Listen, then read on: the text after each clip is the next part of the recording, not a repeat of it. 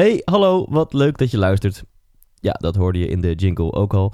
Uh, Thijs hier en welkom bij deze, ja, toch wel een soort van behind the scenes episode. Um, en ik spreek deze intro, ja, uh, nog eventjes extra voor jou in, voordat ik deze aflevering uh, aan jou ga laten luisteren. Om, om deze aflevering kort te introduceren en ook gewoon om ongegeneerde promotie te doen voor de Hoe Vind Ik Geluk Theater Tour, waar je wellicht al wel en anders wellicht nog niet van hebt gehoord. Um, dus voordat ik aan jou ga introduceren waar deze afle aflevering over gaat en waarom dit een soort van behind-the-scenes aflevering is, ja, wil ik het nog kort met je hebben over mijn gloednieuwe theatershow. Hoe de fuck vind ik geluk? Een zoektocht naar de verbinding met jezelf. Dus eigenlijk zou deze show moeten heten Hoe de fuck vind ik de verbinding met mezelf? Maar goed, dat bekt net even wat minder lekker. Dus hebben we hem Hoe de fuck vind ik geluk genoemd. Maar het gaat over ja, misschien wel een spirituele zoektocht naar de verbinding met jezelf. En ja, wat is dat dan eigenlijk? En, en hoe ervaar je dat? Ja, daar gaat deze avond over. En sterker nog, dat ga je deze avond ervaren. Het is niet alleen stil zitten luisteren, je gaat het ook gewoon ervaren deze avond. Mocht je live shows van mij niet gewend zijn, verwacht een hele hoop muziek, humor en hopelijk ook inspiratie. Het is een, leuke avond uit, um, maar waarin je ook het een en ander leert. Hè. Ik hoop echt op een leuke, luchtige, laagdrempelige manier inzichten met je te delen. Uh, en hopelijk ook met, uh, met je partner en familieleden en vrienden en buren en collega's hoop ik inzichten met jou te delen. Ja, waarvoor ik in de diepe krochten heb moeten zoeken van de zelfhulp, van experts en van allerlei experimenten, seminars uh, en, uh, en uh, meditatieretreats. En die deel ik met jou tijdens deze avond in het theater. Hoe leuk is dat in het theater? Uh, dat is natuurlijk best een tijdje geleden dat je zo'n avond uit hebt gehad. Nou, ben je nieuwsgierig? Check dan thijslindhout.nl slash tour. 9 september beginnen we al, dus dat is, nou, terwijl ik het inspreek, over twee dagen al. En de laatste show is 27 september. Dus check gewoon even thijslindhout.nl slash tour. In de maand september sta ik op acht plekken verspreid door heel Nederland. En voordat ik de aflevering start, hier ontkom ik niet aan, want het is toch een beetje gek, maar ik krijg hier zoveel vragen over. En dat is, uh, wat zijn nu de maatregelen per show? En doe ik dan wel of niet mee aan een testsamenleving? Uh, ik vind het nogal bijzonder dat je als artiest ineens een politiek statement blijkbaar inneemt door wel of niet te gaan spelen. Allereerst gewoon even het praktische. Uh, het had mijn voorkeur gehad om zoveel mogelijk shows op anderhalf meter setting te doen, zodat er geen testen voor toegang is en iedereen gewoon naar binnen kan. Dat is uh, helaas alleen gelukt op twee plekken. Heerenveen, dat is meteen 9 september al. En op 11 september, zaterdag in Eindhoven. Dus dat zijn de twee anderhalf meter shows. Alle zes andere shows zijn met testen voor toegang. En um, ja, ik heb er veel vragen over gehad. En ik snap alle meningen daarover. Ik snap ook jouw mening, mocht je denken, ja maar Thijs, je doet dan mee aan een bepaalde maatschappij die we niet moeten willen. En ik ben het ook niet eens met de maatregelen. Alleen dan is er de keuze, gaan we of geen show doen, of gaan we onder bepaalde maatregelen toch nog wel een leuke avond uit met z'n allen kunnen beleven. En dan kies ik voor dat tweede. En dan voelt het voor mij juist als vrijheid door dat te gaan doen. En het voelt voor mij als een beperking van mijn vrijheid. Uh, om nu door, indirect door de overheid, niet te gaan spelen. Om nu niet met elkaar een mooie avond vol liefde, vol verbinding, vol inspiratie en ook weer vol, hoop, moed, motivatie te beleven. Dus ja, dat is mijn uh, mijn statement, mijn, uh, mijn visie op deze situatie. En daarom kies ik ervoor om lekker te gaan toeren. En ik hoop dat je het hiermee eens bent en dat je erbij wilt zijn. Um, ja, ben je het hier niet mee eens? Of vind je principes, ja, wil je bepaalde principes laten gelden? Moet je dat natuurlijk ook gewoon doen. Dat is waar deze show over gaat. Leef trouw in jezelf, leef in verbinding met jezelf. Dus maak die keuze in verbinding met jezelf. En voelt het goed om hierbij te zijn dan ben je van harte welkom. En wat ik nog wel belangrijk vind om te noemen, is dat um, het is weliswaar een maatregel waar we waarschijnlijk niet op zitten te wachten dat je of een vaccinatiebewijs of een test moet doen om binnen te komen. Maar dat zorgt er wel voor dat we de zalen voor twee derde Uh, en misschien zelfs nog wel meer kunnen vullen. En dan komt de show wel een stuk beter tot zijn recht. Dan krijg je wel de show zoals die hoort te zijn. Met de saamhorigheid zoals het hoort te zijn. Met samen misschien wel staan, oefeningen doen, meezingen met medleys zoals het hoort te zijn. Nou, ben je nieuwsgierig? Denk je, jeetje Thijs, ik, uh, ik heb je nog nooit live gezien. Ik wil het ook een keer meemaken. Voel je vrij om naar deze show te komen. Heb je de vorige show gezien, de 100% Inspiratie Show? Ben je benieuwd naar het vervolg? Dan ben je natuurlijk nog meer uh, van harte welkom. En uh, uh, dit is wel je laatste kans om deze show, deze tweede show, te zien. Want uh, ja, volgend jaar zal er alweer een, een nieuwe show staan. Dus wil je dit tweede theaterprogramma zien, een vervolg op de vorige show, die ging over geluk en succes. Deze show gaat meer over de verbinding met jezelf. Dan zijn deze acht shows je enige kans. Met wederom de aller, aller, aller, allerlaatste kans in het Beatrix Theater op 27 september. Nou, dit is een hele lange introductie uh, geworden. Uh, en toch vond ik het wel even fijn om het met jou hierover te hebben. En het voelt toch ook wel een beetje als een stukje verbinding om eventjes zo'n intro uh, in te spreken. En het gevoel te hebben dat wij, ja, dat ik tegen je praat. En dat wij samen een verbinding hebben. En dan over deze aflevering. Um, ik word geïnterviewd door Mirjam Hegger. Mirjam zou je wel kunnen zien als de podcast-expert van Nederland. Je kan bij haar ook allerlei cursussen en trainingen aanschaffen als je zelf wilt gaan podcasten. En uh, voor haar boek heeft ze mij geïnterviewd, want zij gaat een boek schrijven over podcasting. En het leek ons wel leuk om het interview dan gewoon even ook op te nemen. Waarom ook niet, als twee podcast-nerds onder elkaar. Het was niet de intentie om dit interview online te zetten. Maar ik dacht, ja, ik ben toch een content-nerd, een media-freak er ook wel een beetje. Ik dacht, ja, we hebben het nu toch opgenomen. Uh, het is best wel eerlijk, het is best wel puur, het is best wel rauw. Want ik ben ook heel eerlijk over een bepaalde motivatie die er misschien niet meer is in deze podcast. Um, maar ik vind het leuk om eerlijk met je te zijn. En daarom zet ik deze episode voor je online. Dus ben je trouwe luisteraar, ja, dan vind je het misschien extra leuk om wat behind the scenes dingen te horen over deze 100% inspiratie podcast. Nou, wil je tickets voor mijn tour? Ga naar thijslindhout.nl slash tour. En anders uh, geniet van deze episode met specia speciaal dank aan Mirjam Hegger. Nou Thijs, welkom. In je, eigen, in je eigen honk. Ja, ik zit ook echt aan de kant waar de gast altijd zit. Oh ja? Ja, helemaal onwennig. Ja, hoe voelt dat? ja, voelt wel leuk. Ja. Ik uh, ben sowieso altijd wel heel relaxed bij podcast. Ik weet niet of bij jou is. Ik was de eerste, nou dan zeg je nogal wat, de eerste 80 interviews was ik echt super zenuwachtig. Maar de laatste tijd ben ik uh, super relaxed. Uh, maar ik merk dat ik nu als, als geïnterviewde nog relaxter ben. Van ja, nu heb ik helemaal geen verantwoordelijkheid meer. ik hoef alleen maar te antwoorden. Dus je laat je leiden. Ja, zeker. Ah, cool. Hey, um, ja, voor de, er zijn natuurlijk mensen die al heel veel van jou weten. En er zijn natuurlijk mensen die dit luisteren en die helemaal niks van jou weten. Ja. Um, dit interview gaat helemaal over podcasten. Dus ik zou zeggen, ga los. Want Mhm. het is volgens mij echt ons allebei onze passie. Ja. Um, even voor degenen die jou niet kennen. Kun je misschien vertellen, waarom ben je eigenlijk ge- begonnen met podcasten? Ja. ja, laten we eerlijk zijn. Als je de straat op gaat en je vraagt, ken je Thijs Lindhout? Als 1% ja zegt, is het veel, denk ik. Dus ik moet mezelf niet wijsmaken dat ik een een of andere celebrity ben. Maar in, de, in, in, een specifieke niche, de niche van podcasts of persoonlijke ontwikkeling... is er al wel een iets grotere kans dat je misschien ooit mijn naam voorbij hebt horen komen. Of zelfs mijn show uh, voorbij hebt zien komen in een theater bij jou in de buurt. Uh, maar ik ben uh, in maart 2015, dus dat is, uh, ja, of niet? 2016. 2016, ja, je hebt het beter dan ik. Maart 2016, dus vijf en een half jaar geleden, nou, vijf plus jaar geleden, begonnen met podcasten. Uh, om eigenlijk die reden wat ik net noemde, die theaters te, te vullen. Dus ik ontdekte mijn droom.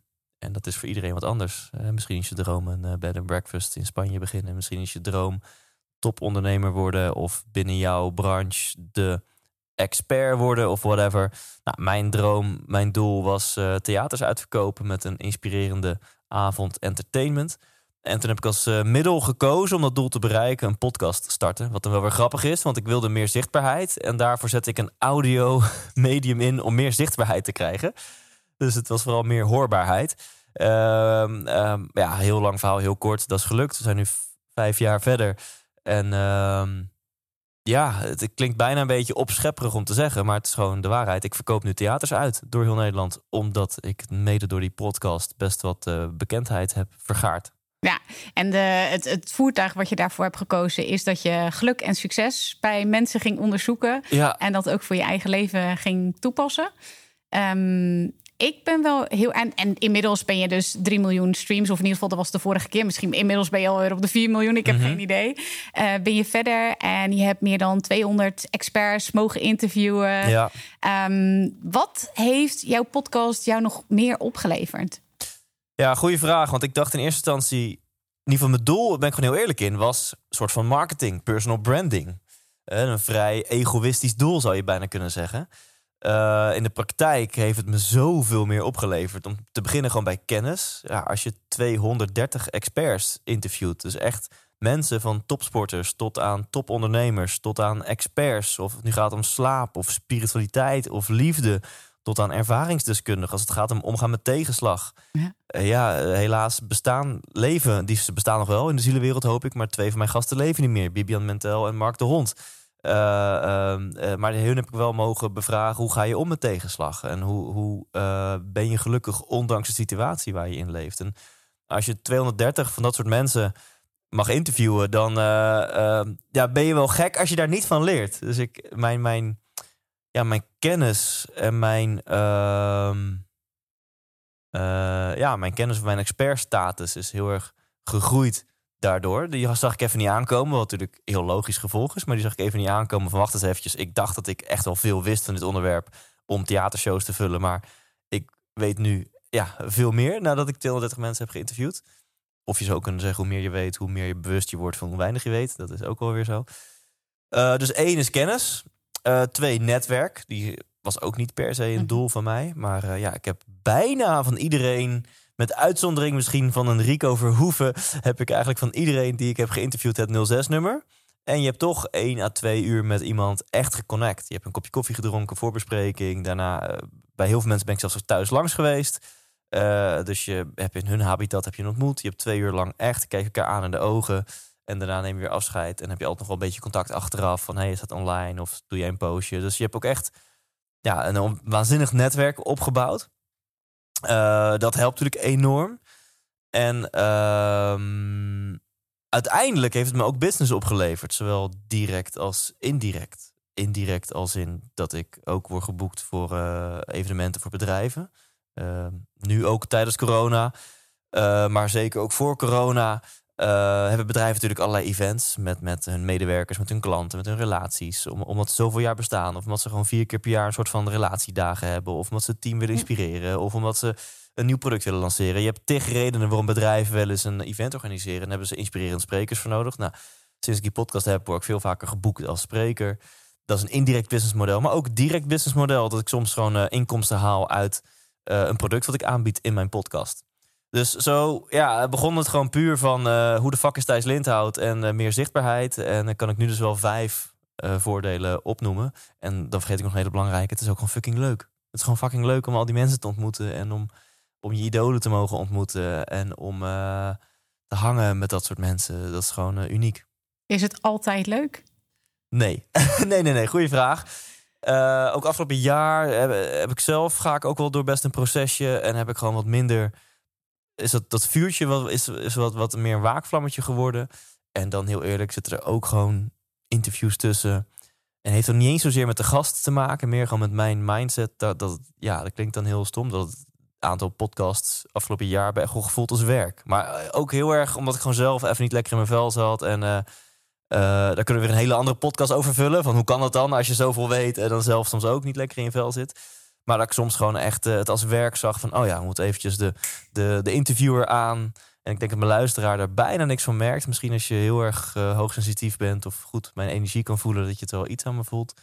Maar eh, het zijn ook zeker interviews dat je gewoon... soms heb ik er twee of drie op één dag... en dat het echt voelt als een werkdag. En dan moet je natuurlijk niet te veel hebben. Als dat, als dat de rode draad wordt, dan moet je achter je oren gaan krabben van... Hmm, is dit nog wel het juiste om te doen? Toen je begon, had je toen ook al het idee van ik ga elke week podcasten, ik ga dat vijf jaar doen, ik ga hele toffe mensen ontmoeten. Hoe, hoe begon je? Kun je daar iets over vertellen? Ja, ik krijg ook heel vaak die vraag van hoe heb je dat zo volgehouden? Maar ik, ik ben nogal van extreme. Dus ik, ik doe of iets heel erg goed of ik doe het gewoon niet of heel slecht. Eh, dus ik heb of heel veel discipline of totaal geen discipline. En dit is blijkbaar in de goede categorie gevallen. Eh, toen ik vijf jaar geleden begon, was het voor mij gewoon, ja, dit ga je elke week doen. En, en er is geen haar op mijn hoofd geweest die daaraan is, heeft getwijfeld. Dus dat mensen mij die vraag stellen van, hoe heb je dit zo volgehouden? denk ik, maar toch heel logisch. Ik had toch gewoon gezegd dat ik het elke week zou doen. Dus dan doe je dat toch ook gewoon elke week. En eh, met de uitzondering van eh, een keer een een periode van een burn-out... dat ik even twee maanden mee was gestopt. Of elke augustus lig ik eruit, gewoon bewust. In, in het kader van balans. Dan komen over even geen podcasts online. Maar al die andere 48 weken staat er elke week eentje klaar. En hoe het is begonnen door eh, ja, goed in mijn netwerk te kijken van kan ik wat, wat mensen vinden die ik eh, podcast waardig vind en kan ik daar eens mee beginnen. En eh, in, in de beginperiode, dan heb ik het zelfs over de eerste twee à drie jaar, ehm, was het allemaal zo amateuristisch achter de schermen en was het zo erbij, want ik had daarnaast nog een bedrijf te runnen en andere dingen te doen was het zo erbij dat ik echt elke week aan het stressen was. Wie kan ik deze week nog strikken? Want maandag komt een nieuwe episode online. Sterker nog, dat is de bedoeling, maar ik heb nog niks. Mm. En dat echt Frank, die ken je inmiddels ook, eh, mijn editor, die kreeg meestal pas zondagmiddag van mij eh, het rauwe audiobestand doorgestuurd. En dan kreeg ik s'avonds om half twaalf van hem een appje, hij staat klaar. En dan ging ik hem eventjes zo, voordat ik naar bed ging op zondagavond, nog even online zetten. En dan kon ik maandag even zo, ah, het is weer gelukt. En dan dacht ik dinsdag, fuck, wie ga ik deze week interviewen? Eh, dat kan allemaal veel beter. Maar zo, is het begonnen. Eh, een, een onwijze stressproject om elke week iemand te vinden. Maar is, ehm, is gelukt. En soms doe je dan wat concessies dat je denkt... ja, fuck, ik wil eigenlijk wel een bepaald level hoog houden aan gasten. Het is natuurlijk geen harde grens, maar je hebt een soort van gevoelsgrens van... ja, vanaf een bepaald punt vind ik jou interessant genoeg om in mijn podcast toe te laten. Ja, en soms als je dan geen gast hebt, dan verlaag je die grens ietsjes. Dat je denkt, oh ja, ik had een keer een mailtje van diegene en ja, vond ik niet per se super interessant, maar ik heb gewoon iemand nodig. Dus ik bel diegene wel op. Hey, je hebt me toch laatst een keer gemaild. Kom maar dan met je boek en eh, kom het maar toelichten in mijn podcast. Ja. Ja. Wat zijn de succesingrediënten van jouw podcast? Want er zijn natuurlijk een heleboel mensen die denken van... Nou, ik, ga, ik ga interviewen of misschien ga ik soms eh, een solo-aflevering ertussendoor doen. Of ik doe alleen solo-afleveringen. Ja. Wat maakt nu dat jouw podcast zo vaak wordt beluisterd? Nou, inmiddels word ik ook echt keihard ingehaald door een paar podcasts. Dus doe ik ook een aantal dingen niet goed. Ehm, maar ja, in eerste instantie... één van de succesingrediënten die kan je heel moeilijk modelleren. Want dat is gewoon dat je een van de eerste bent. Mhm. Ja, dat was ik vijf jaar geleden. Er bestonden niet zo heel veel podcasts op het gebied van persoonlijke ontwikkeling. Eh, sterker nog, ik kan eigenlijk geen één opnoemen eh, in die tijd. Ehm, dus dat is één. Dat je maar dat je uniek bent, kan je nog steeds modelleren. Dus misschien ben jij een eh, accountant of een advocaat. En misschien is er nog geen podcast in dat genre. I don't know. Of niemand die het zo aanpakt zoals jij. Twee, dat de, eerst gewoon de kwaliteit goed is. Gewoon puur qua eh, professionaliteit. Dus gewoon een mooi logo, eh, goede titel, eh, goede tekstjes bij de podcast, goede audioapparatuur, goede audio-editor, goede jingle. Eh, een mooi introotje ingesproken, outrootje ingesproken, aan elkaar geplakt. Dus dat, dat zegt nog niks over de kwaliteit van mij als interviewer of de, de gasten. Maar gewoon puur dat de, de kwaliteit gewoon goed is aan eh, eh, geluidskwaliteit en professionaliteit. Nou, dat heb ik meteen vanaf de eerste dag goed aangepakt. Dus deze microfoons waar wij nu in praten, de Shure SM7B, was voor mij toen de tijd ook echt een serieuze investering. Want ze waren toen eh, 400 euro per stuk. Het was voor mij echt wel pittig om die Mhm. investering te doen. Maar gewoon meteen eh, eh, die investering gemaakt.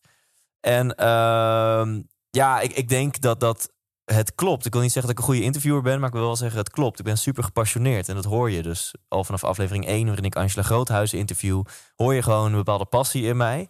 En dat dan gemengd met de juiste gasten. Ik heb best wel eh, A-level gasten, zeg maar. Eh, dus of BN'ers of experts of topsporters of mensen met een heel bijzonder verhaal. Ehm, en eh, ik heb ook vanaf de eerste aflevering nagedacht over een soort van rubriek en thematiek. Wat ook gaandeweg een beetje is veranderd en zelfs een beetje is verwaterd. Maar ik begon heel strak met: oké, sowieso is de eerste vraag altijd: wat wil je worden als je later groot bent? Dus dat is een fijne houvast voor mijn luisteraar.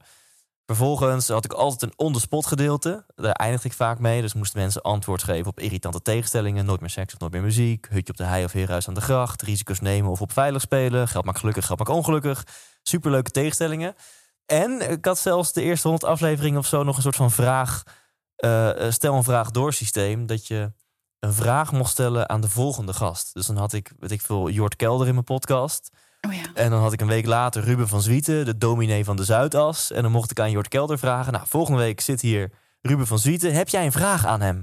En dan nou, zat ik volgende week met Ruben van Zwieten. En dan editen we ook zo mooi die vraag van Jort erin. En dan mocht hij daar on spot antwoord op geven. En dan zei ik weer tegen Ruben van Zwieten... I don't know, volgende week interview ik Henk-Jan Smits. Heb jij een vraag aan hem? En dan, dus... ehm, nou, dit allemaal bij elkaar. Goede kwaliteit.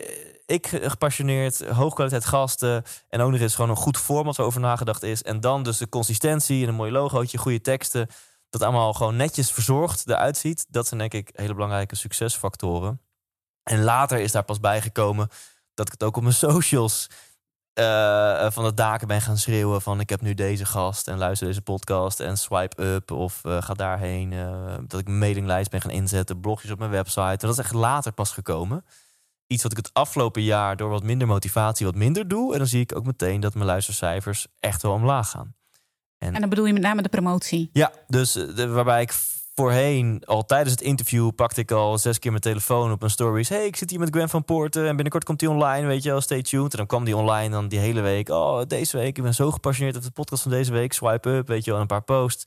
En dan denk je, ja, waar doe ik het voor? In ieder geval, ik ben altijd dan een beetje, denk, ja, maakt het echt uit? Nou, het maakt dus echt heel veel uit. En als je een beetje bereik hebt, ik zit op alle kanalen zo rond de 10.000 volgers, op LinkedIn, op Facebook, op Instagram op mijn mailinglijst. Al die kanalen zitten ongeveer rond de 10.000 bij mij. Sommige iets meer, sommige iets minder. En ja, als ik op al die kanalen twee of drie keer in de week aandacht besteed aan die podcast, dat is bijna een verdubbeling van het aantal luisteraars. Dus ik zie mijn luisteraars nu ook wel omlaag gaan. En andere podcasts, zoals Koekeroe, zoals The Young Ones van Sanne Timmermans, uh, Koekeroe stuk van Giel Belen, zoals de Oersterk podcast van Richard Telet.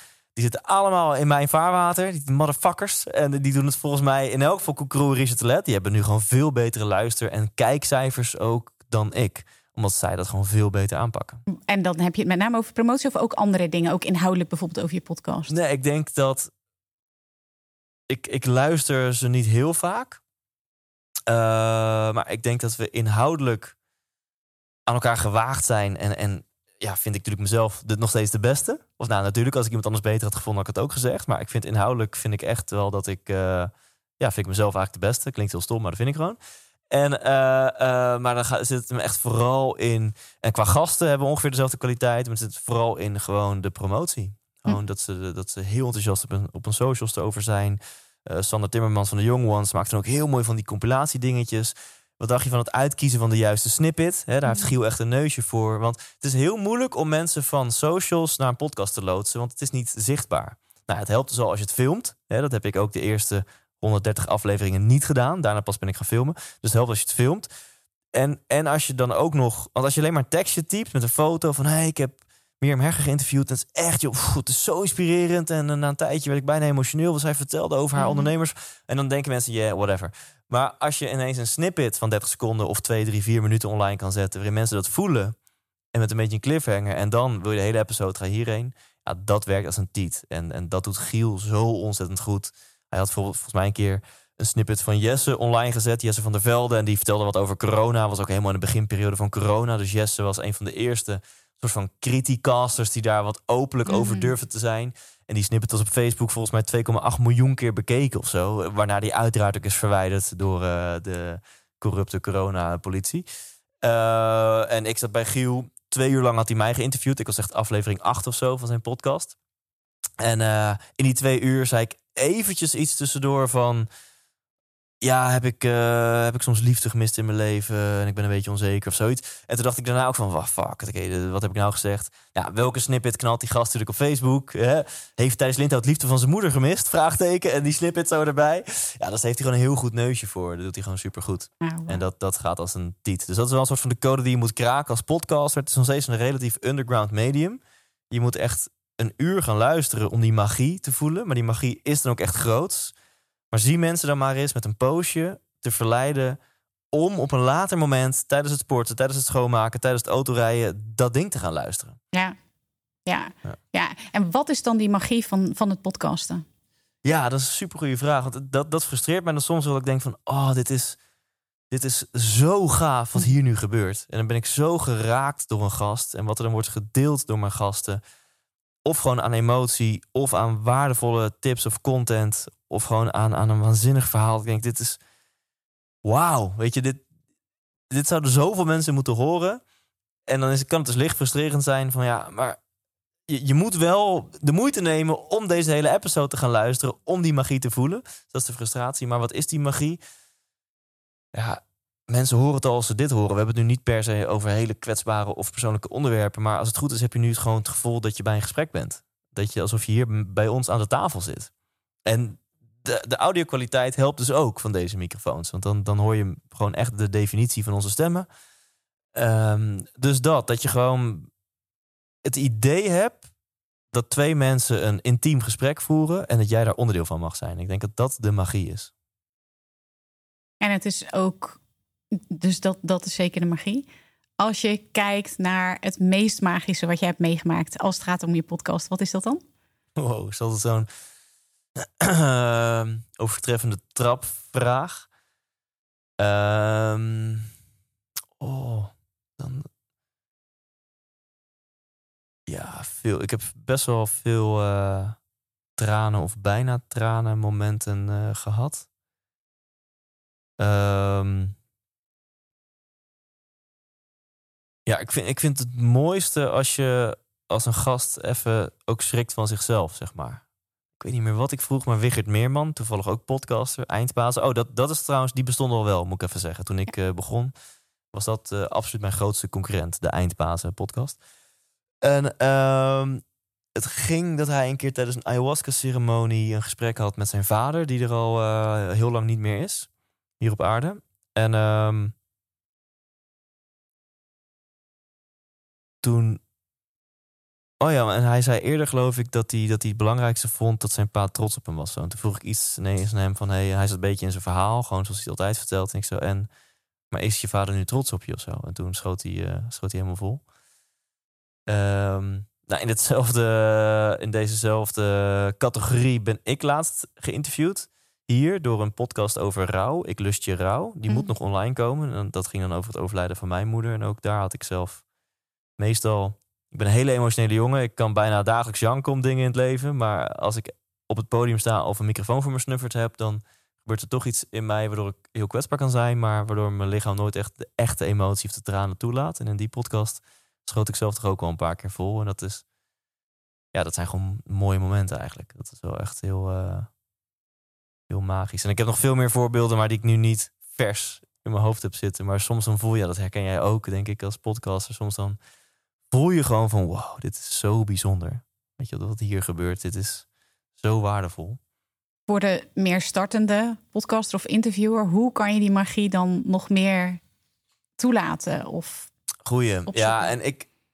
Kijk, ik ben mezelf. Hè? Als in, ik zit in mijn hoofd en ik ben me misschien niet bewust van mijn talenten en ook mijn onmogelijkheden. En eh, heel veel mensen vinden dat ik een talent heb voor, voor interviewen of, een- of vragen stellen.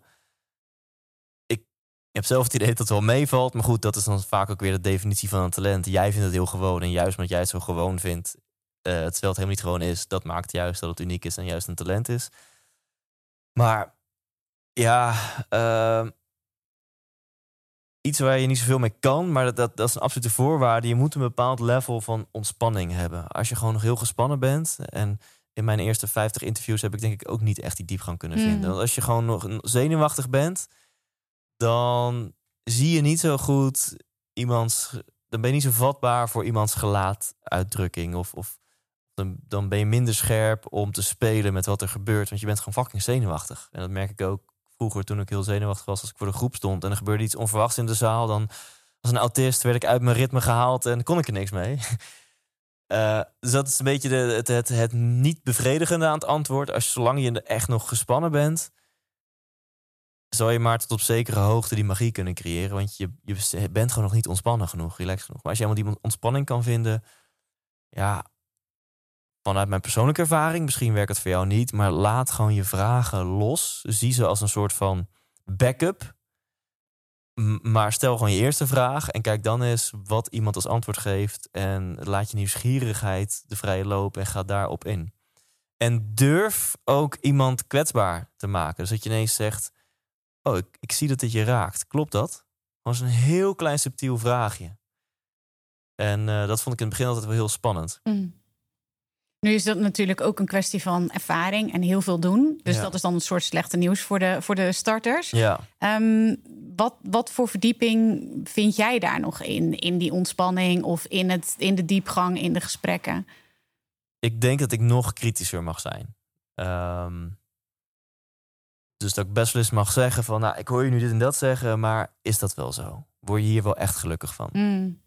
Dus ik, ik ben toch een beetje de pleaser die het mensen naar hun zin wil hebben. En ik ben, er zit dan een soort van angstje in mij dat iemand zou opstaan of zo. Van, joh, wat is dit voor, eh, voor, voor eh, vervelende vraag? Hier heb ik geen zin in. Dat-. Dat iemand een Peter Ja. R. de Vriesje poelt. Ja, ja, ja. Terwijl, ja, volgens mij ben ik nog nooit ook maar in de buurt gekomen van dat moment. Maar dat is, als ik heel eerlijk en kritisch naar mezelf ben, mag ik dus soms nog wel wat, ja, wat meer mensen op een, ja, op een inspirerende manier op een plek durven te zetten. Dat ze ineens denken, oh fuck, ja, nee, als je het zo vraagt, nou, ik twijfel inderdaad wel of ik echt gelukkig ben of zo. Weet je wel, Ja. de, daar die kwetsbaarheid echt op durven zoeken.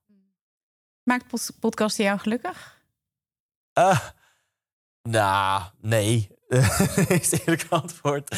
Maar ik denk dat het een heel gezond antwoord is. Ik vind het een, een superleuke activiteit. Maar het is, als, ik, als ik vanaf morgen geen theatershows meer mag doen, kan ik nog steeds gelukkig zijn. Maar ga ik, moet ik echt op zoek van fuck. Oké, dat is. En dan heb ik het niet per se over het applaus en de aandacht, maar gewoon de. Ja, meer. Het is gewoon echt een, stuk van mijn passie en missie en roeping, denk ik. En dan als mijn theatershows morgen wegvallen, moet ik echt op zoek gaan naar. Oké, maar hoe. Fuck, dat is mijn ding. Eh, hoe, hoe ga ik hier een substituut voor vinden? Als ik vanaf morgen niet meer mag, mag podcasten, dan heb ik geen moeite om. eh, heb ik geen gat in mijn geluk of zo.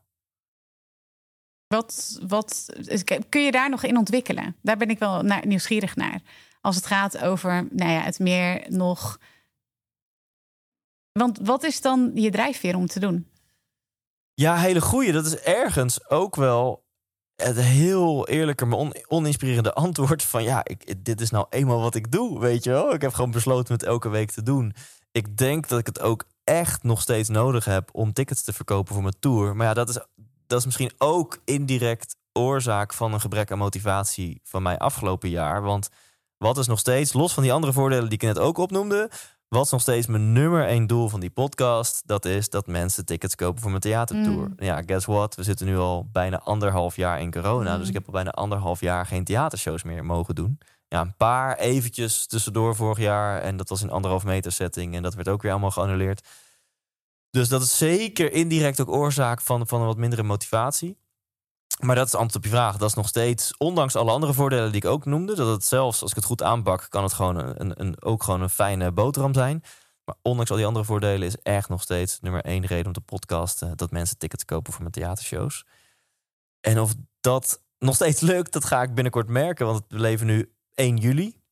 Eh, en eh, in september mag ik weer eh, een stuk of zeven shows doen. Van de twintig die oorspronkelijk gepland stonden. Maar het is zo vaak geannuleerd en verplaatst dat er nog zeven over Mhm. zijn. Weliswaar de laatste in het Beatrix Theater. Dus ik mag weer een Beatrix Theater doen. Dat is echt superleuk. Ehm en het wordt voor mij echt heel spannend in de maanden juli, augustus. Punt. En een beetje september of mensen tickets gaan bestellen.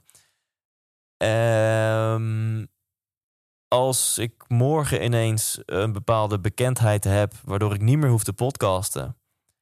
Eh, maar het lukt me om overal in het land theaters uit te verkopen. Ja, dan ga ik echt wel even aan de tekentafel zitten van ga ik ermee door en zo ja, in welke vorm. Eh, en om heel eerlijk te zijn, ben ik sowieso wel een beetje lui. Ik heb natuurlijk niet echt geïnnoveerd. Ik heb al vijf jaar dezelfde jingle. Eh, Die iedereen inmiddels kan meezingen. die ik kan meezingen. Ik heb niet echt het format aangepast. Dus het is nog steeds, ja, Thijs zit tegenover iemand en Thijs bevraagt hem of haar. En ik heb wel eens wilde ideeën gehad. Moet ik misschien het veel muzikaler maken? Mhm. Dat ik aan mensen van tevoren vraag, wat zijn nou drie liedjes die op jou impactvol zijn geweest? Dat we die, die drie liedjes ook een stukje afspelen in de podcast. Maar dat soort ideeën hebben nooit echt... eh, ehm, ja, die hebben nooit echt, eh, hoe zeg je dat, tractie eh, gehad. Ehm, en ik word wel wakker geschud door dus die eerder genoemde podcasts. Die trouwens ook niet per se iets heel bijzonders doen. Dat is ook gewoon een gast en er worden vragen gesteld. Mm. Maar ja, dus ik, ik heb ook niet heel erg geïnnoveerd. Dus of ik het nou wel of niet nodig blijf hebben in de toekomst voor mijn doel, is denk ik sowieso de vraag al bij mij. Moet je het niet een beetje gaan innoveren? En, en, en hoe hou je het voor jezelf ook zo leuk mogelijk, zeg maar? Dat zijn wel eh, wat vragen die ik mezelf mag stellen. Dus eigenlijk, als ik je goed beluister, dan ben je bang dat. Of bang. Maar in ieder geval heb je het idee dat als je stopt met podcasten, dat dan de, theaters, eh, de theaterzalen niet Ja, gevuld zijn. ik heb wel het idee dat ik heb op Instagram ik voor 14.000 volgers, wat natuurlijk niet heel erg veel is. Als je kijkt naar mijn doel. Ehm, en ook op mijn mailinglijst zit het ook ongeveer rond dat eh, getal. En, ehm, daarom, en, en mijn podcast luisteren wel ongeveer 100.000 in ieder geval ongeveer 100.000 plays per maand. Dus Ja. dat, dat zullen ongeveer verdeeld over 40, 50.000 mensen zijn, denk ik. Dus dat is bij far nog mijn, eh, mijn grootste bekendheid. Nou is er ook een nieuwe software, of relatief nieuw, waarbij je met één druk op de knop in al je afleveringen dezelfde in- en outro kan plakken. Mhm. Dus stel dat ik weer op tour ga, Mhm. dan eh, spreek ik gewoon een boodschap in van hey, tof dat je luistert in september. Eindelijk het mag weer. Hoe de fuck vind ik geluk? Kom naar mijn theater, thijslindert.nl, bla bla.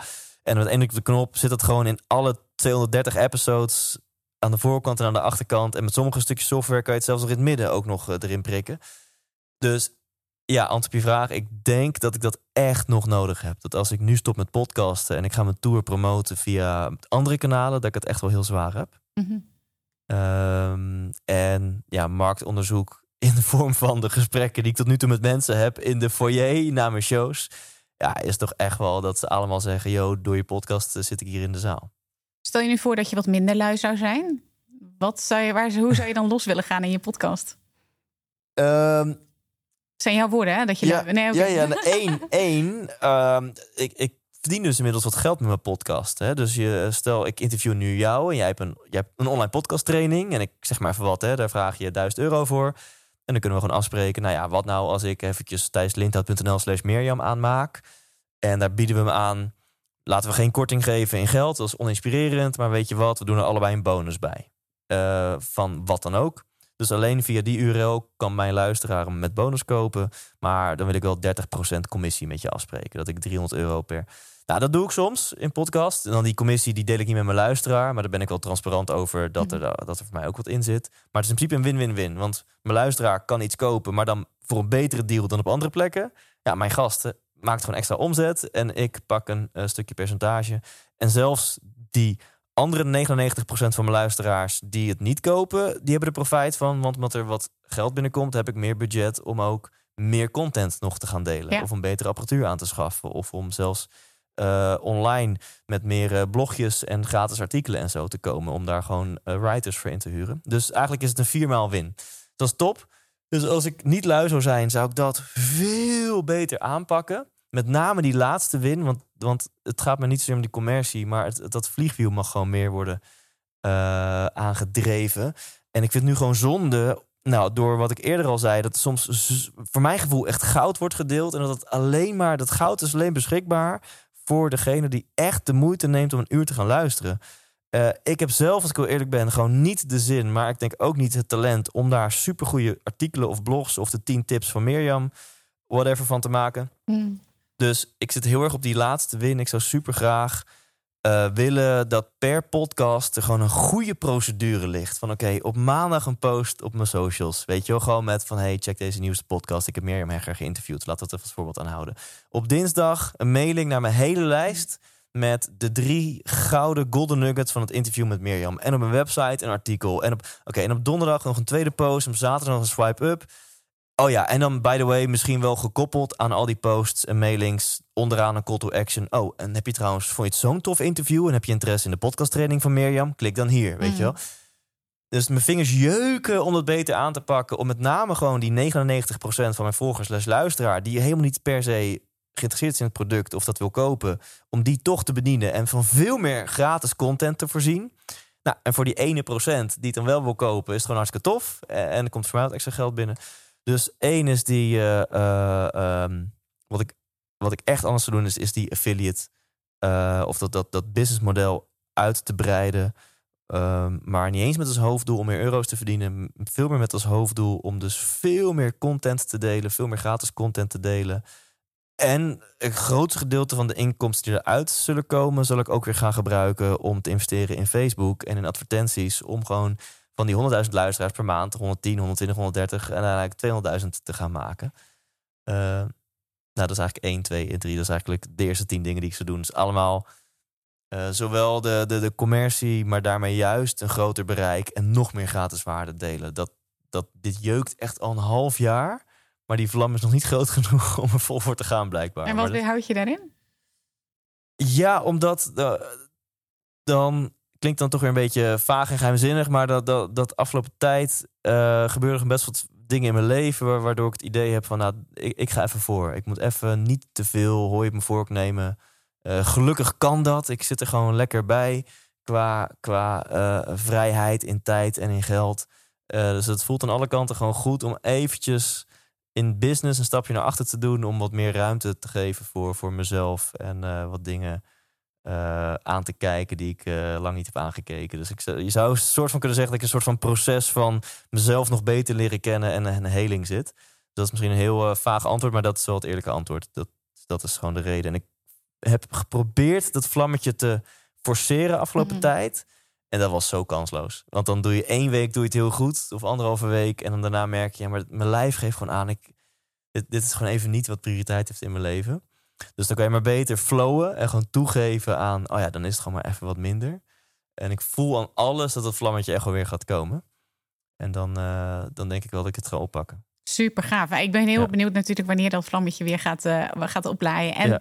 stel je voor dat, dat dat dus... Nou, dat, nee, niet stel je voor. Dat gaat dus gebeuren. Hoe ziet dat er dan uit? Hoe, hoe ziet jouw podcast er over vijf jaar uit? Bestaat die nog? Ja, dat, dat weet ik oprecht niet. Ik denk het eigenlijk wel. En dan is het veel professioneler. Dan heb ik, nu ben ik echt in mijn uppie met een assistent op ZZP-basis die, eh, die er eh, een paar uur per week aan besteedt om de gasten in te plannen en, eh, en een stukje nazorg te doen. Ik heb dan Frank, een editor, die besteedt er een paar uur per week aan. En ja, dat is het eigenlijk. Maar ik denk over vijf jaar is het gewoon een team. Niet dat ik per se een team wil, want dat is eigenlijk alleen maar gezeik als ondernemer. maar ik krijg er toch wel heel veel energie van dat het echt een soort van inspiratie-BV'tje is. En dat we dus echt een mediabedrijfje, een contentbedrijfje zijn. Ehm, wat als heel mooi bijkomend voordeel heeft dat, dat ik nog een tien keer zo bekende naam ben als nu. Niet omdat ik beroemd wil zijn, liever niet zelfs, maar omdat ik wil dat die theaters uitverkopen. Maar ook dat we op een gewoon een hele toffe manier gewoon super impactvol kunnen zijn en levens kunnen veranderen en mensen kunnen inspireren, zowel kosteloos als betaald. Ja. Dus dat eigenlijk dat hele eh, ja, eh, traject wat ik net omschreef, hoe ik het, hoe ik het vliegwiel gewoon kan, kan aanbakkeren. Dat eh, als ik dat goed aanpak, dan denk ik dat ik over vijf jaar gewoon echt een teampje heb. En dat we echt een bedrijfje zijn wat, eh, wat echt een verschil maakt. Dat lijkt me heel tof. Nu had je het natuurlijk ook al net over, over jouw missie, zeg maar, of in ieder geval indirect. Ehm, wat, wat is precies, en jouw, jouw podcast levert daar natuurlijk een bijdrage aan, in indirecte manier, want jouw theatershow is daar het belangrijkste nou ja, voertuig in. Ehm, wat is voor jou de belangrijkste ehm, ja, drijfveer, zeg maar, om die podcast te blijven doen? Zijn dat de reacties van de luisteraars? Of zijn dat de gesprekken die je hebt? Of kun je daar nog eens iets over vertellen? Eh, ja, die, die drijfveer is, is, is gewoonte voor een heel groot gedeelte, wat ik net zei. En, en dat ik denk dat ik het gewoon nog nodig heb voor mijn theaters uit te verkopen. En ik, maar ik doe mezelf het ook een beetje aan. Ik mis een beetje de interactie met mijn luisteraar, maar die zoek ik ook gewoon veel te weinig op laatste tijd. En ik merk gewoon, alles is energie. Dus als ik er meer in zit met de energie van, oh ja, het is een moedje, er moet weer een podcast online komen. Eh, en nou, ik, ik, ik, ik blijf maar ademhalen, want ooit ga ik weer theatershows doen. En dan heb ik deze, dit, deze microfoon nodig om de promotie voor te doen. Terwijl ik vind mijn podcast afgelopen tijd vind ik misschien wel beter dan ooit. Omdat ik allemaal mensen uitnodig die mij kunnen helpen in het persoonlijke proces waar ik in zit. Dus ik haal allemaal mensen erbij die iets weten over eh, hoe heel je kind delen. En hoe halen relaties al jouw binnenste pijnen naar boven. En hoe werkt het met, eh, eh, nou whatever, al dat soort dingen. Eh, hechtingsstijlen en, en bindingsangst, verlatingsangst. Al de onderwerpen die super persoonlijk zijn, die heel veel mensen wil herkennen, die haal ik in mijn podcast. Waarin ik mega persoonlijk en kwetsbare vragen over kan stellen, omdat ik daar zelf niet zoveel vragen over heb. Dus ik, ik vind mijn episodes eigenlijk het laatste half jaar beter dan ooit. Omdat ze gewoon puurder en persoonlijker dan ooit zijn. Ehm, maar ik laat het niet zo weten. En ik besteed er dus niet zoveel aandacht aan op mijn socials. En ook in de episode zelf vraag ik niet per se de luisteraar om actief mee te doen of zo. En alles is energie, dus mensen voelen dat toch. Ja. Dus ik was gewend dat ja, als een podcast online komt, dat mijn Instagram, oh, die heeft jou getagd, die heeft jou getagd, die kom je in de story, die kom je en nu, ja, soms gewoon nul. dat gewoon een week voorbij gaat en niemand heeft in een story gepost op Instagram met, oh, ik heb deze week de nieuwe podcast van Thijs geluisterd. En eh, ehm, terwijl dat een mega motivatiebron voor Mm. mij is. Dus dit is wel een soort van wake-up call voor mezelf van, hey, doe weer iets waardoor je mensen motiveert om, eh, om te laten weten dat ze luisteren, om te laten weten wat zij ervan vonden, om, eh, om die interactie aan te gaan met de luisteraar. Want wat dat betreft kan het echt wel een eenzaam beroep zijn. Dat je netjes in je statistieken ziet dat er honderdduizend mensen Mm. hebben geluisterd, maar dat niemand iets van zich heeft laten horen. En vervolgens, als je de mensen spreekt na een theatershow, dat was voor mij zo'n grote motivatiebron. En dan zie je soms mensen tot aan tranen toe soms, die je bedanken voor. Een keer heeft iemand mij zelfs bedankt voor het redden van haar leven. Eh, maar mensen die me bedanken voor door jou ben ik door een burn-out heen gekomen. Of ik lag eh, ziek in het ziekenhuis en je podcast gaf me weer hoop. Of door jou ben ik ondernemer geworden. Door jou ben ik naar Curaçao verhuisd. Echt dat soort shit. Dat je echt denkt, wow. Mm. Ehm, ja, dat is mega motiverend. En dat kreeg ik al het cadeau door in de foyer met mensen te praten. Dat gebeurde organisch al, omdat ik gewoon ook op mijn socials actief was. Dus daarmee opende ik het gesprek en konden mensen, ja, voelden zich ook vrij om mij te mailen of een berichtje te sturen. En nu is dat dus eh, eh, eh, minder. Dus wel een wake-up call voor mij, want dat, daar haal ik mega veel, veel motivatie uit. Eigenlijk zou je een soort van verzamel, ver- verhalenverzamelaar moeten hebben die alle reacties of eh, transformaties ehm, eh, op gaat halen van mensen die dus door jouw Ja, eh, podcast allerlei dingen hebben meegemaakt of, of gestopt zijn of ergens mee begonnen Ja. zijn of verhuisd zijn. Of, Het is wel cool. Het moet dan niet, zeg maar, zelfbevlekkerig overkomen. Het moet dan wel op een manier dat, dat iedereen er wat aan heeft. Maar ik zou best een keer een podcast op kunnen nemen met een soort van oproep van... hey, als deze podcast impactvol voor jou is geweest... of je hebt zelfs een concrete keuze of beslissing of whatever gemaakt... mede dankzij deze podcast, wil je het eens laten weten? En vind je het oké als, ik- als ik dat verhaal deel met andere mensen... om nog meer mensen te inspireren of zo? Ik denk dat dat best wel interessant kan worden als ik dat een keertje eh, gaaf. Ja. super gaaf idee. Ja, dat ontstaat hier ter plekke. Goed idee. Ja. Ik eh, vind het ook heel erg leuk, omdat ik denk dat een heleboel mensen jaloers zijn op jou, omdat jij zoveel luisteraars hebt en inmiddels zoveel mooie mensen hebt geïnterviewd. En dat jij eigenlijk ook zegt van nou, er is nog een next level. Dus Ja. dat, dat vind ik wel heel erg leuk. Ehm, ja, je bent dus een vat van, van inspiratie en van ervaring inmiddels als het gaat over podcasten. Wat zou een starter die nog wil starten met podcasten nu moeten weten wat jij nu weet, waarvan je denkt, oh, had ik dat maar in het begin geweten? Nou, twee dingen. Eentje die dan voor mij geen, niet boeiend was, maar die ik om me heen heel vaak zie dat dat wel een drempel is, is. ehm, en dat zie je, kom het omweg, kom ik op je antwoord hoor. Maar zie je bij heel veel ondernemers. Dan ben je gepassioneerd over het bakken van cupcakes. En dan neem je ontslag bij waar je ook werkt. En dan ga je cupcakes bakken. En dan kom je erachter, fuck, ik moet een website hebben. En ik moet een soort van pitch hebben. En ik moet een marketing doen. En ik moet een boekhouder hebben.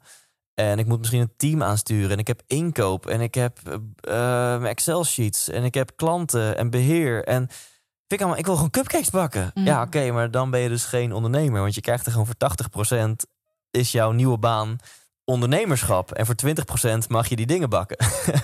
dus dan kan je beter ergens in loondienst die dingen gaan bakken. Want dan kan je gewoon je passie leven, zeg maar. Nou, nu de link naar podcasting. Ja, hoeveel procent van jouw tijd, Mirjam, eh, eh, zit jij achter de microfoon? En hoeveel procent van de tijd ben je aan het voorbereiden, aan het editen, postjes aan het typen, aan het brainstormen, aan het whatever? Dat is denk ik 80-20 ook Mhm. weer. Ehm, dus wat ik ermee wil zeggen, één is dat ja, een groot gedeelte van je tijd gaat op in randzaken. Plus een belangrijke randzaak als podcaster is techniek. Wat voor microfoons, wat voor kabels, hoe sluit ik het aan op mijn laptop, met welk programma neem ik het op? Hoe zorg ik ervoor dat ik het goed opneem? Hoe edit ik het? Hoe zet ik het online? Hoe werkt het met iTunes? Hoe komt het op Soundcloud? Hoe komt het op Spotify? Hoe komt het op YouTube? Allemaal, wij weten het. Wij denken, ja, super easy. Maar voor zoveel mensen is het zo'n gigadrempel. Ja. Ehm, en je hoeft niet eens een digibet te zijn om het een drempel te laten zijn. Want het is best wel veel. Je moet, ik, ik vond het ook best lastig in het begin. Maar ik heb gelukkig, omdat ik altijd in bandjes had gezeten... had ik gewoon een heel goed netwerk. En allemaal audiofielen en allemaal gasten die dat allemaal weten hoe dat werkt. Ehm deels dus voor mij een beperkte drempel... omdat ik en best wel van techniek hou en het netwerk had. Maar voor heel veel mensen is het een gigadrempel. Dus wees je daar bewust van. Dus of doe dan gewoon niet... Of eh, ja, eh, zorg ervoor dat je of gewoon ontzorgd wordt. Dat je gewoon iemand inhuurt die dat voor jou doet. Dat jij gewoon vanaf dag één meteen de artiest kan zijn. En de microfoontjes en alles wordt voor jou klaargezet. En jij hoeft alleen maar het interview te doen. Maar goed, dan moet je wel het budget hebben om dat te doen. Of we kopen bijvoorbeeld jouw podcasttraining. Dat mensen in jouw podcasttraining eh, horen hoe dat allemaal werkt. Maar dat, dat zou ik heel veel mensen mee willen geven. Leuk dat je een heel tof idee hebt en dat je gepassioneerd bent. Maar er komt dus heel veel randzaken. Niet in de laatste plaats heel veel techniek bij kijken. Wat echt te overzien is. Maar je moet er wel induiken. Mhm. En dat is wel even een, eh, een drempel. Het is niet het allerleukste. Wat ik dan in het begin anders en veel beter had kunnen doen, eh, dat is eh, ehm, op dus de sociale media er aandacht aan besteden. Ik heb dat mega Mhm. onderschat. Ik dacht, ja hoor, omdat ik op LinkedIn en op Facebook en op Insta er wat over roep. Ja, mensen liken het en, gaan, en scrollen door en gaan verder met hun leven. Dat heeft echt geen impact op mijn luistercijfers. Terwijl echt pas, pas, pas, pas na episode 100 of zo ben ik dat wat structureler gaan doen.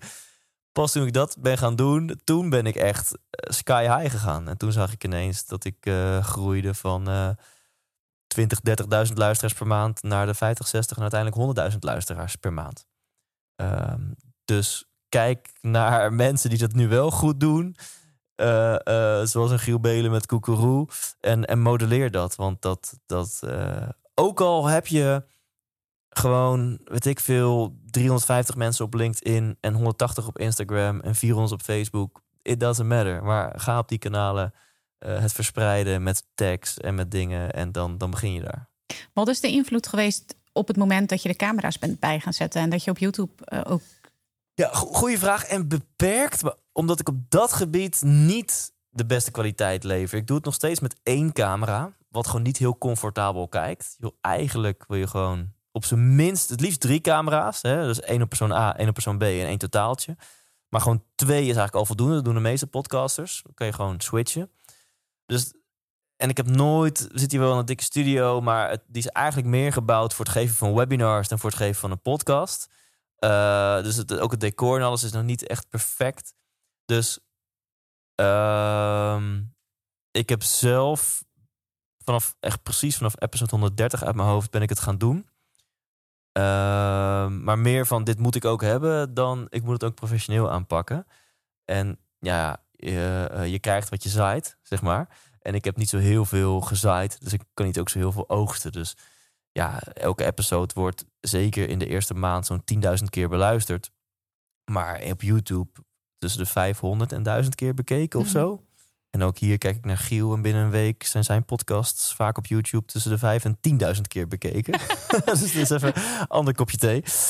En um, uh, dus ik heb daar niet heel veel van gemerkt. En ik denk dat het meest waardevolle van podcasts filmen is niet eens dat je die hele anderhalf uur op YouTube kan zetten, maar is meer dat je er hele goede snippets uit kan halen.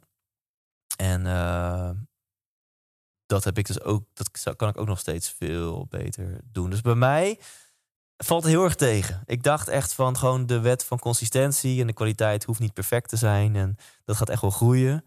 Maar ik weet niet hoeveel abonnees ik heb op YouTube. Ik denk 2000, misschien 3000. Maar als ik 1000 viewers gemiddeld per episode heb, is het veel, uh, zeg maar. Dus dat, dat valt, ja, ben ik eerlijk in, dat valt gewoon echt tegen. Ja, alleen wat ik van je hoor is dat je daar ook niet de promotie op richt. Nee, dus het is ook, uh, ja, hoe zeg je dat, boy? If you, uh, if, if you pay peanuts, you get monkeys. Mm. Maar dan in deze context, dus ja, je, je, je kan oogsten wat je zaait. En ik heb nog niet zoveel gezaaid. Ja.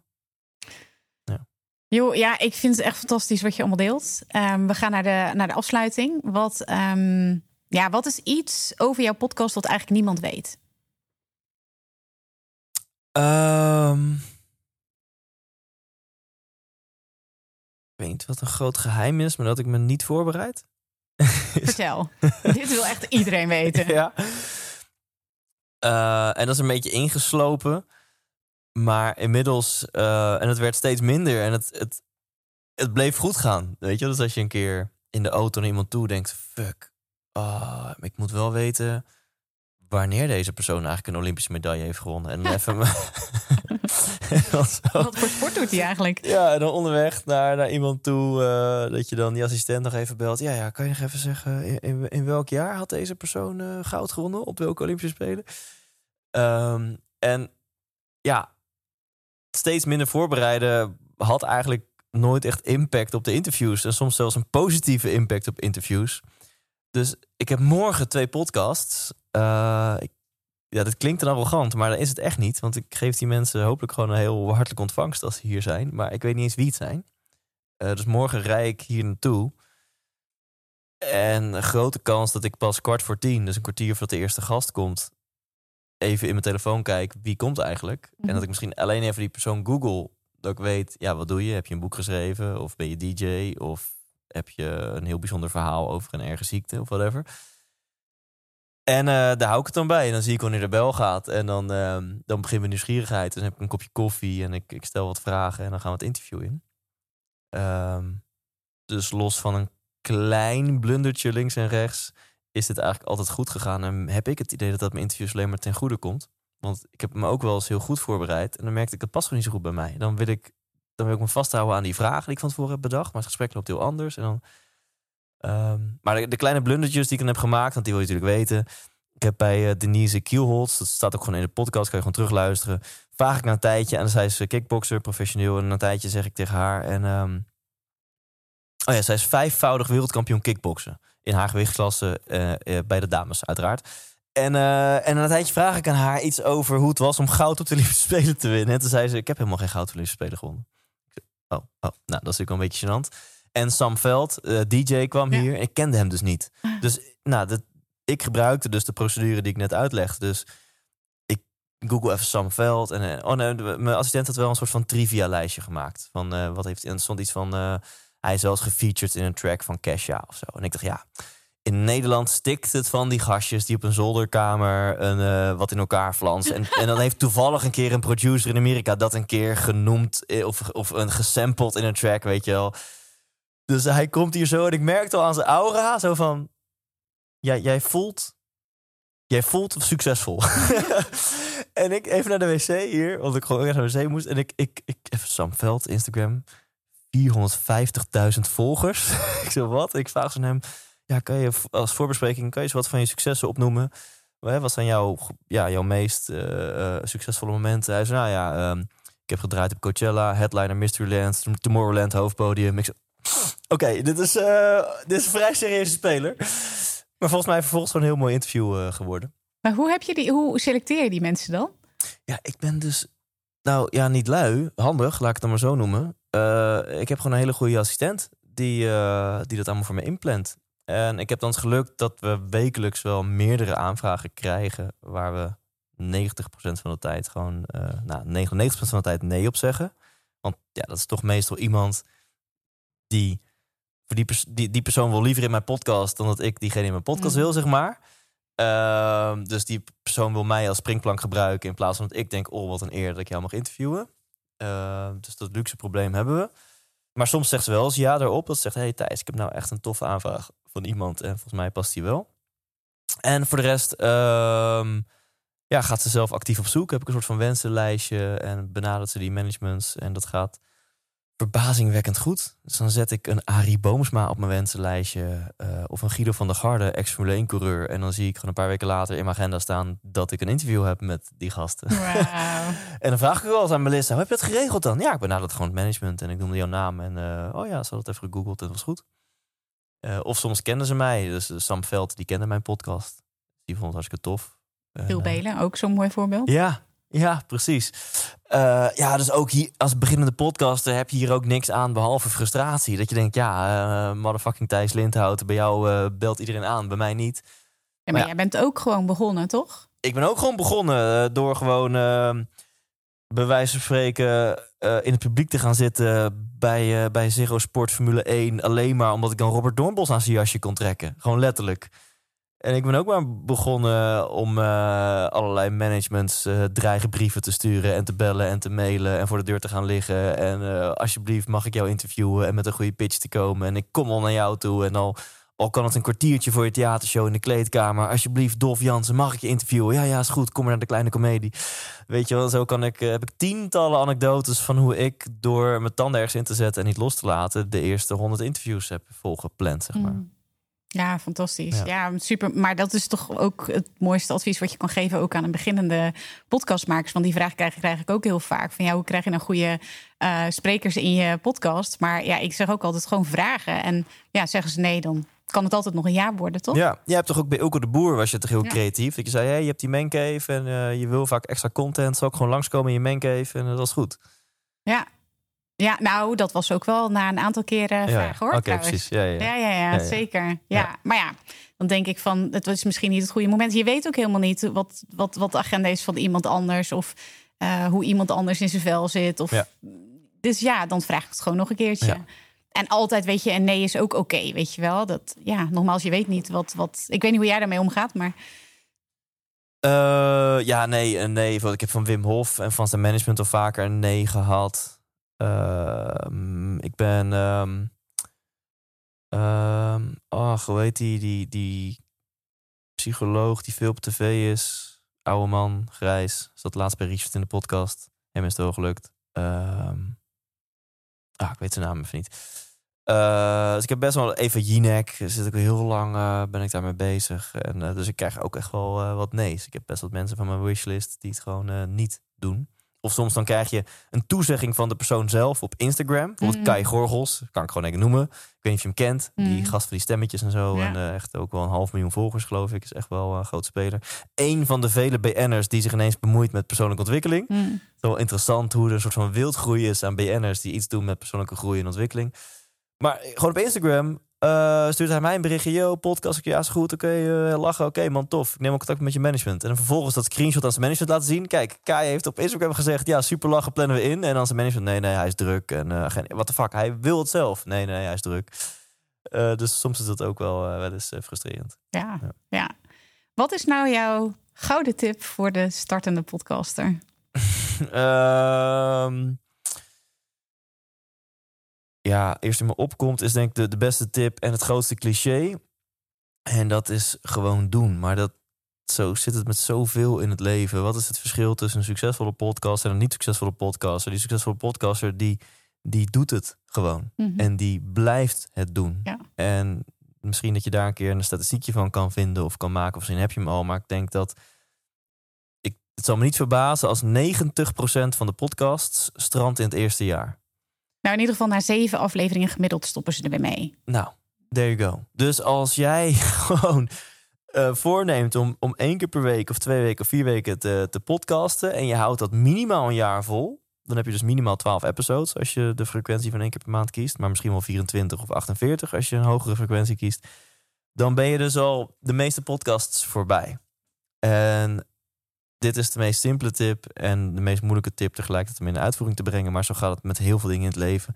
Het is niet zo moeilijk. Het is echt niet zo moeilijk. Maar emoties, mens zijn, overtuigingen hebben, eh, eh, eh, allerlei excuses hebben, dat maakt het lastig. Mhm. Maar je moet het gewoon doen en, en volhouden. En of het nou een Enzo Knol is, of een Thijs Lindhout, of een Mirjam Hegger.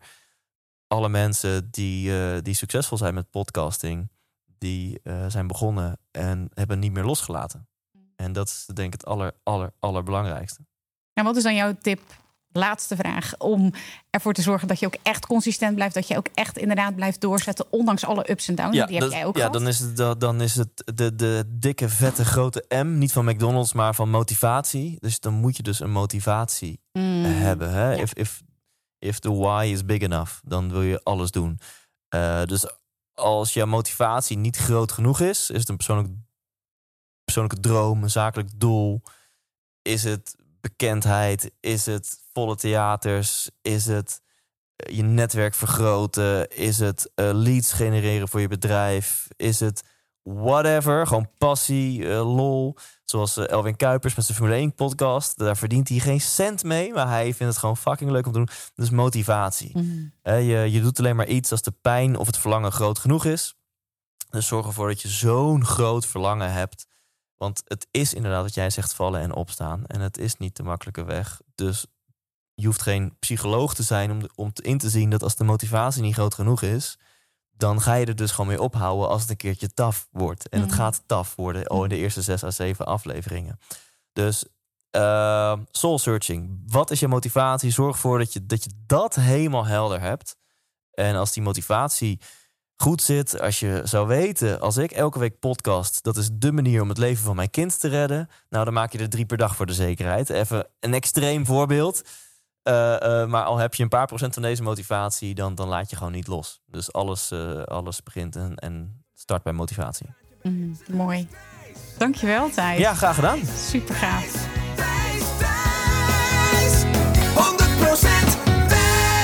Ja, bedankt voor het luisteren naar deze episode. En wat ik wel leuk vind om nog eventjes tegen je te zeggen... is wat je al, ook al hebt gehoord in deze aflevering... dat wat ik nou zo leuk vind aan live shows... behalve dat we een avond magie met elkaar beleven dat is dat ik jou kan ontmoeten. Want podcast is een best wel eenzaam beroep. Ik krijg af en toe hele mooie e-mailtjes of berichten op Instagram. Uh, maar het is natuurlijk niet zo dat ik echt één op één het contact met jou voel. Als ik hier achter een microfoon zit, waar ja, toch wel tienduizenden mensen naar luisteren. En ik vind het zo ontzettend tof. Mocht je naar een van mijn shows komen, dat we achteraf. Ik ga altijd even ervoor je in dat we een biertje kunnen drinken. Dat ik jouw verhalen kan horen. Uh, dus die verbinding, uh, die motivatie mij dat ook geeft. eh, dat ik echt mensen bereik en dat ik mijn missie leef, dat vind ik heel erg mooi. Dus um, ja, hopelijk gaan we elkaar uh, zien in de zaal, maar wellicht ook achteraf nog eventjes. Als je gaat naar thijslindhout.nl slash tour en daar je tickets bestelt voor één van de shows van Hoe de Fuck Vind Ik Geluk. Hopelijk tot daar, tot snel, leef intens.